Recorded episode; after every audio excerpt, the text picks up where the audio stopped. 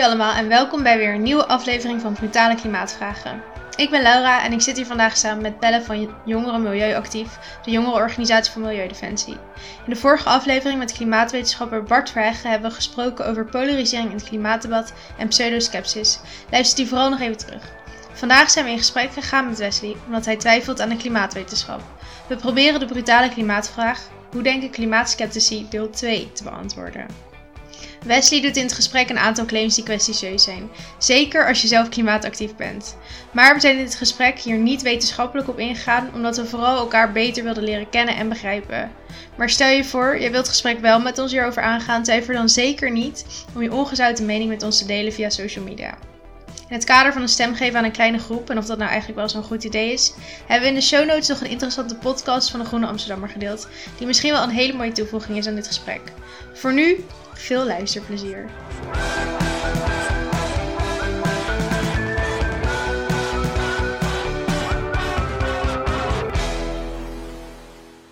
Hoi Wesley, welkom. Laten we beginnen door jou even voor te stellen. Hoe heet je, wat studeer je en wil je nog iets anders kwijt over jezelf? Uh, ja, ik ben uh, Wesley, ik kom uit uh, Apeldoorn en ik studeer rechten op de Universiteit Utrecht. En ik zet me vooral actief om rechtsgeluid te laten horen. En ik ben, ben blij dat ik hier mag komen bij jullie vandaag. Dus dat was het. Oké, dankjewel. Ja, vanuit JMA vinden Laura en ik natuurlijk dat er veel meer werk gemaakt moet worden van effectief klimaatbeleid en het terugdringen van de opwarming van de aarde. Wesley, hoe kijk jij daarnaar? Ja, hoe ik ernaar kijk. Nou, laten we eerst vooropstellen, het is niet dat ik een klimaatontkenner ben, want klimaat verandert natuurlijk altijd. Daar is natuurlijk, uh, daar is, uh, ik denk dat daar wel consensus over is. Maar wat de invloed van de mens daarop is, ik denk dat daar wel heel veel discussie over is. Want naar mijn beleving en hoe ik daarnaar kijk, is, is dat de invloed van de mens op het klimaat maar een uh, klein gedeelte is en niet zo groot als wordt voorgedaan in de media en uh, in andere instellingen, zo zeg maar op scholen. En uh, hele, het hele debat is eigenlijk over het feit dat we het moeten terugdringen, maar eigenlijk hoor je nergens te weinig een tegengeluid. Dat vind ik althans. Oké. Nou, ik denk dat wij ehm, wat betreft de invloed van de mens het niet helemaal met elkaar eens zijn, maar alsnog willen we, willen we graag het gesprek aangaan.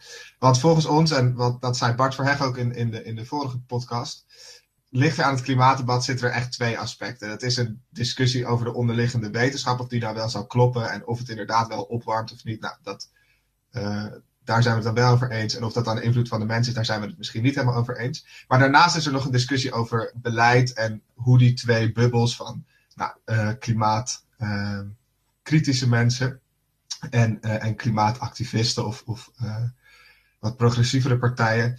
Um, nou, discussie over het beleid en hoe verhouden die twee bubbels zich tot elkaar. En vandaag willen we dus niet een wel eens niet eens debat gaan voeren over die klimaatwetenschap. Uh, maar willen we echt focussen op ons verschil in, in perspectief van het beleid en ook waar die verschillen dan vandaan komen. Zodat we hopelijk toch nog iets dichter bij elkaar kunnen komen in dit gepolariseerde onderwerp.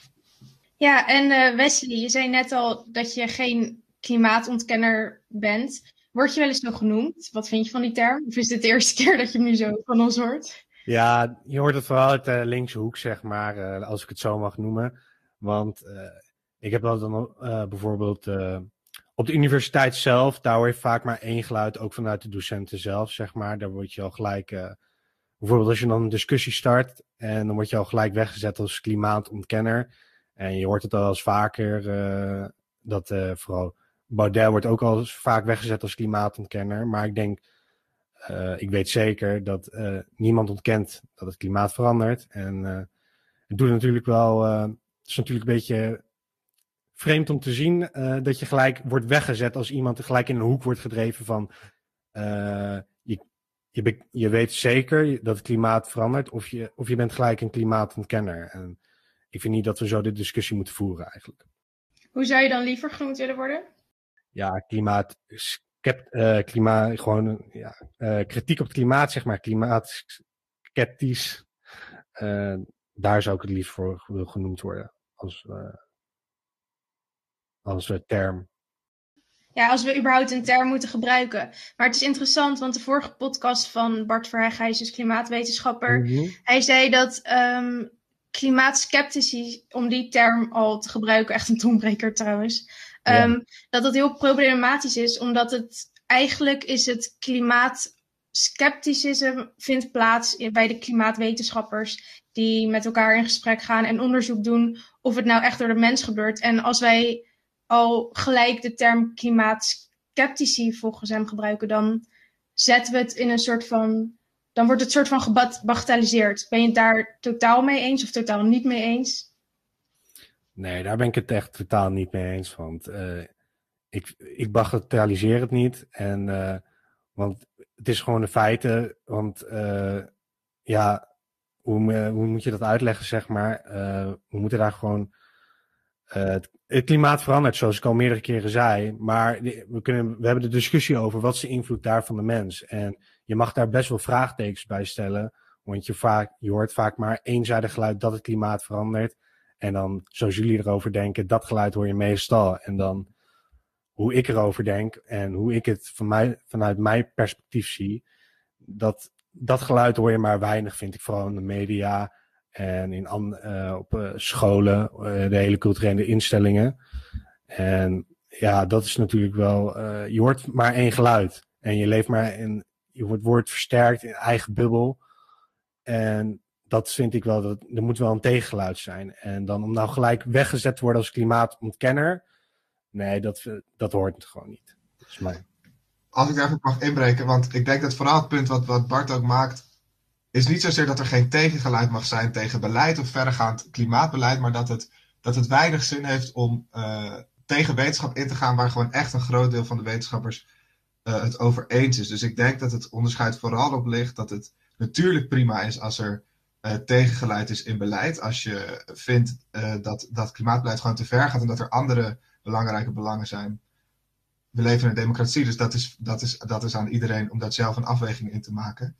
Maar het ontkennen van toch wel vrij grote consensussen in, uh, in de wetenschap, zoals de invloed van de mens op het klimaat, dat is toch denk ik wel een ander verhaal. Um, in dat onderscheid zou je, ben je zelf iemand die, um, die, daar, die echt vraagtekens stelt bij de invloed van de mens? Of denk je dat het ook vooral moet gaan over dit beleid gaat te ver? Nou, ik denk dat het wel van beide kanten is. Want ik heb wel grote vraagtekens van de invloed bij de mens natuurlijk. En dat daar consensus over is, dan wordt vaak uit linkshoek gebruikt dat uh, meer dan 90% van de wetenschappers het daar overheen is. Dat is uit een uh, onderzoek van, uh, ik weet niet meer de persoon wie dat naam heeft gedaan, maar die heeft gewoon telkens als een wetenschapper zei, ja, er is uh, klimaatverandering, maar verder geen context bijgegeven, dan werd gelijk zo'n wetenschapper in dat artikel van hem gelijk als dat hij dan pro-klimaat is, dat er dan echt grote verandering van de mens door het klimaat is. En dat wordt dan zeg maar, het hele perspectief verandert dan zo, zeg maar. En daarna over het beleid is natuurlijk ook heel veel te spreken, want om nou honderden miljarden te, eigenlijk gewoon weg te gooien aan windmolens, zonne-energie, uh, subsidies slurpend allemaal. En het kost ons uh, klauwen vol met geld. En ja, dat, dat heeft gewoon geen nut. En stel, en stel, we zouden er allemaal in geloven natuurlijk. Dan zou je niet naar zonne-energie of uh, windenergie moeten kijken, maar moet je meer naar kernenergie kijken. Want daar behaal je dan de meeste winst op. En, wat nou, en dat is nou trouwens ook heel voordelig, kernenergie, in vergelijking tot uh, uh, zonne-energie en dat soort, of biomassa. daar hoor je ook heel vaak over, biomassa. Terwijl dat heel schadelijk is, biomassa. wat een aantasting is aan het milieu. En als we dan naar beleid technisch kijken, dan zou je daaraan iets moeten doen in plaats van uh, onzinnige dingen zoals uh, een warmtepomp of van het gas af. En daar honderden miljarden aan weggooien. Daar vind ik ook dat daar naar gekeken moet worden.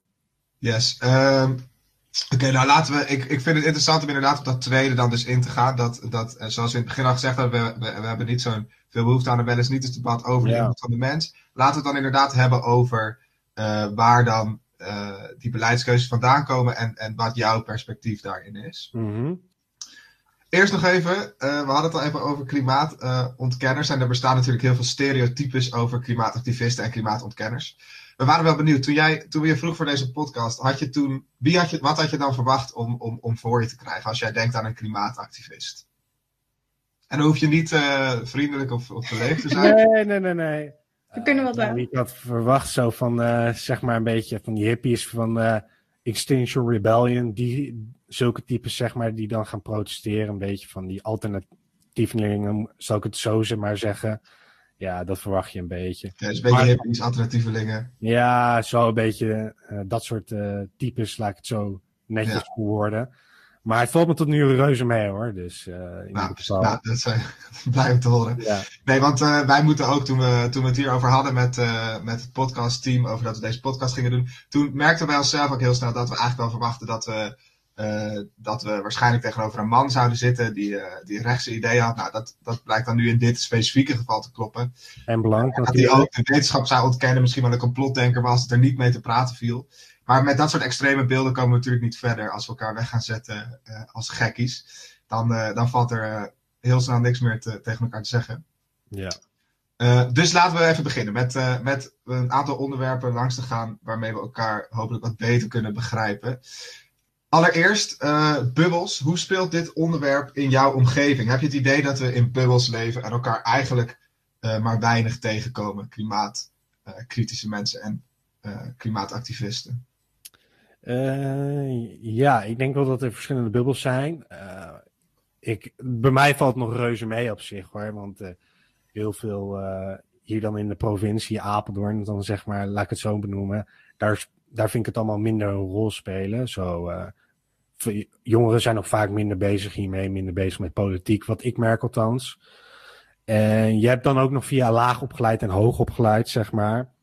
En je mhm. merkt toch wel dan zeg maar op uh, de universiteit wordt maar zo, als ik mijn eigen ervaring mag zeggen, dat daar toch wel uh, een beetje D66 GroenLinks praatjes worden gesproken. En dat je dan, als je dan uh, op Forum stemt of op de PVV, dan word je al gelijk als een rechtse gekkie neergezet daar. En dat is dan. Oké, okay, dus dan, als ik het goed begrijp, heb je het idee dat, de, dat die bubbels op zich wel met elkaar in aanraking komen. In ieder geval dan in jouw geval. Ja. Maar dat er eigenlijk weinig geduld is en ruimte om met elkaar te praten over, over onderwerpen. Ja, dat vind, vind ik voornamelijk. Uh, je komt niet met elkaar in aanraking met de discussie, zeg maar. Uh, maar wel over algemene dingen. Maar als je dan over dat punt gaat hebben, klimaat of andere gevoelige onderwerpen, dan, speel, dan gaat de discussie, die komt eigenlijk nergens verder. Want het kamp uh, klimaat blijft voor voor meer voor de groene agenda. En dan het kamp dat dan sceptisch is, dat blijft dan ook gewoon sceptisch. Maar je komt niet verder dichter bij elkaar of zo. Of inleven in elkaar. Dat is meer het geval, denk ik. Ja, en dat, ja, inderdaad, uh, dat, dat herken ik zelf op zich ook wel. Dat, maar ook wel beide kanten op. Dat er, dat er inderdaad op de universiteit soms, soms weinig ruimte is voor, voor, voor forum stemmers. Nou heb ik zelf ook niet de, de, het allerbeste stereotype dus in mijn hoofd over een forumstemmer. Nee, dat Maar andersom is dat natuurlijk ook. Als je in, het, als je in uh, kringen kijkt waar veel forum wordt gestemd, dan is er soms ook nog wel een soort haat en of echt een, een, een, afstand naar, naar klimaatactivisten. Er hangt wel een stigma vandaag. Ja, er hangt zeker een stigma aan of een soort taboe om dan mm -hmm. over dit soort onderwerpen uh, echt een inhoudelijk gesprek te voeren. En dat is denk ik zonde. We kunnen het oneens zijn over beleid en dat is belangrijk om daar, om daar gesprek over te voeren. Dus hopelijk komen we daar vandaag uh, wat verder mee. Nou, dat zou wel uh, top zijn eigenlijk, als, we dat, als ik jullie kan overhalen. nou, dat... ik denk niet, nou ik denk het niet, maar... Ehm, ik was wel benieuwd, want je zei net ook al uh, linkse media. En we hadden ook van tevoren van dit gesprek aan jou gevraagd. Waar hou jij je informatie vandaan? Wat is voor jou een belangrijke bron? Dus uh, ik ben wel benieuwd.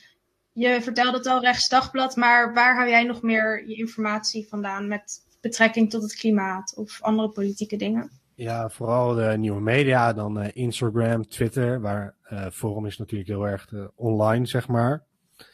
En ja, daar vooral. En zeg maar, ja, het nieuws zeg maar.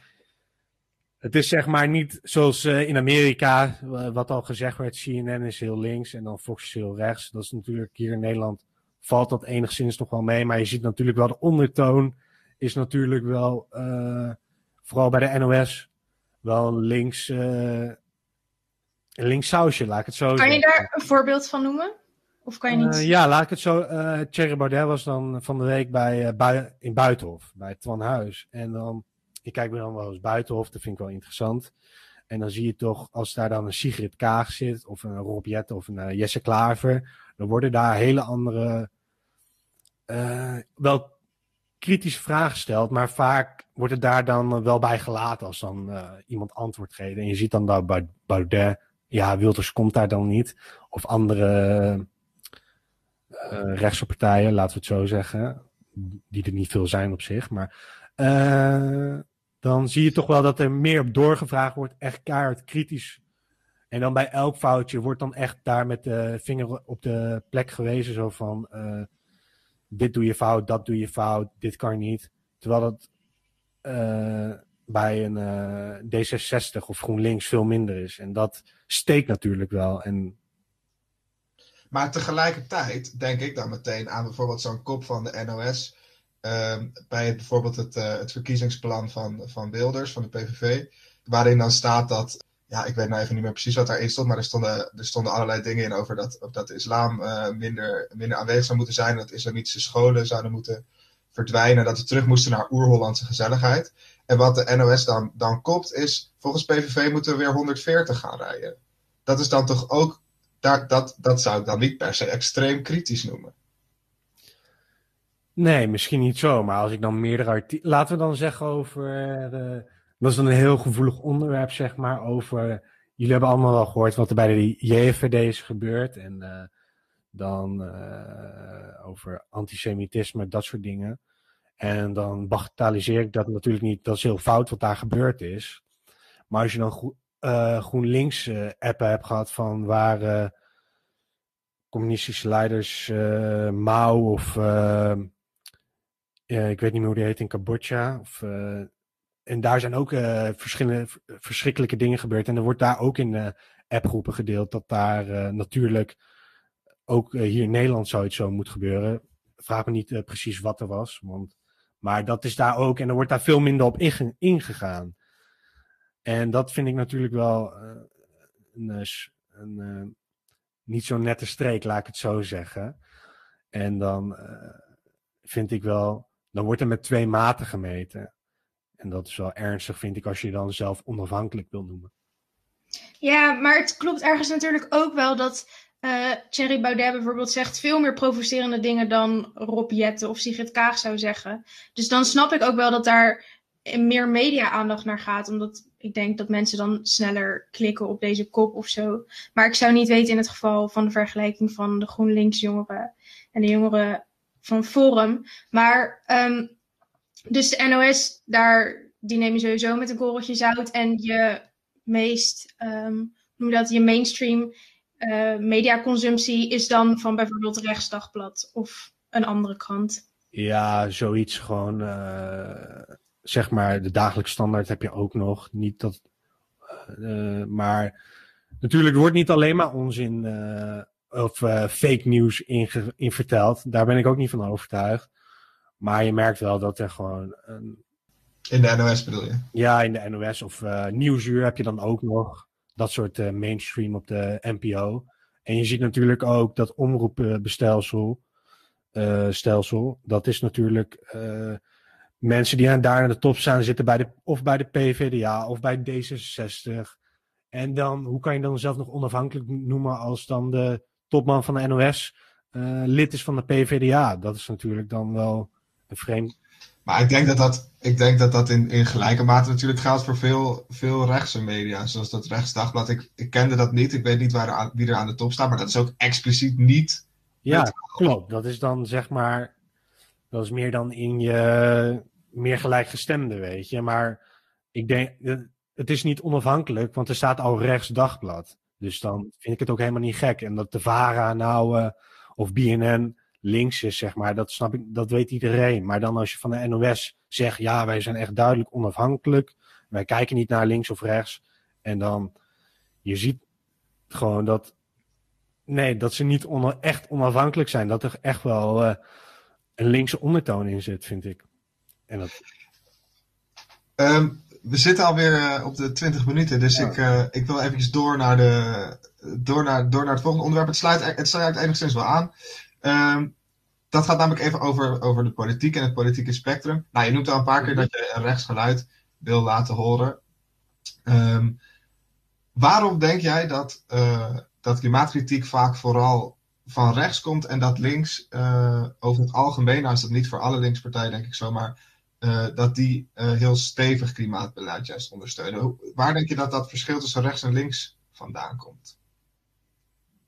Ja, ik denk dat uh, linkse mensen gewoon niet rationeel nadenken, als ik het zo mag. Uh, want uh, wat was het, 30, 40 jaar geleden was het ook over de zure regen. Dat was ook heel erg. En dan wordt er ehm, onheilspellende dat de aarde zou vergaan. En ik denk dat linkse mensen gewoon wat meer gevoeliger zijn op dat soort dingen. Laat ik het zo maar zeggen. En dat ik denk dat wij toch meer rationeel nadenken als ik het als ik het zo mag voelen. dus dan zeg je eigenlijk, rechtse mensen zijn een stuk realistischer. Ja, praktischer, pragmatischer. En, uh...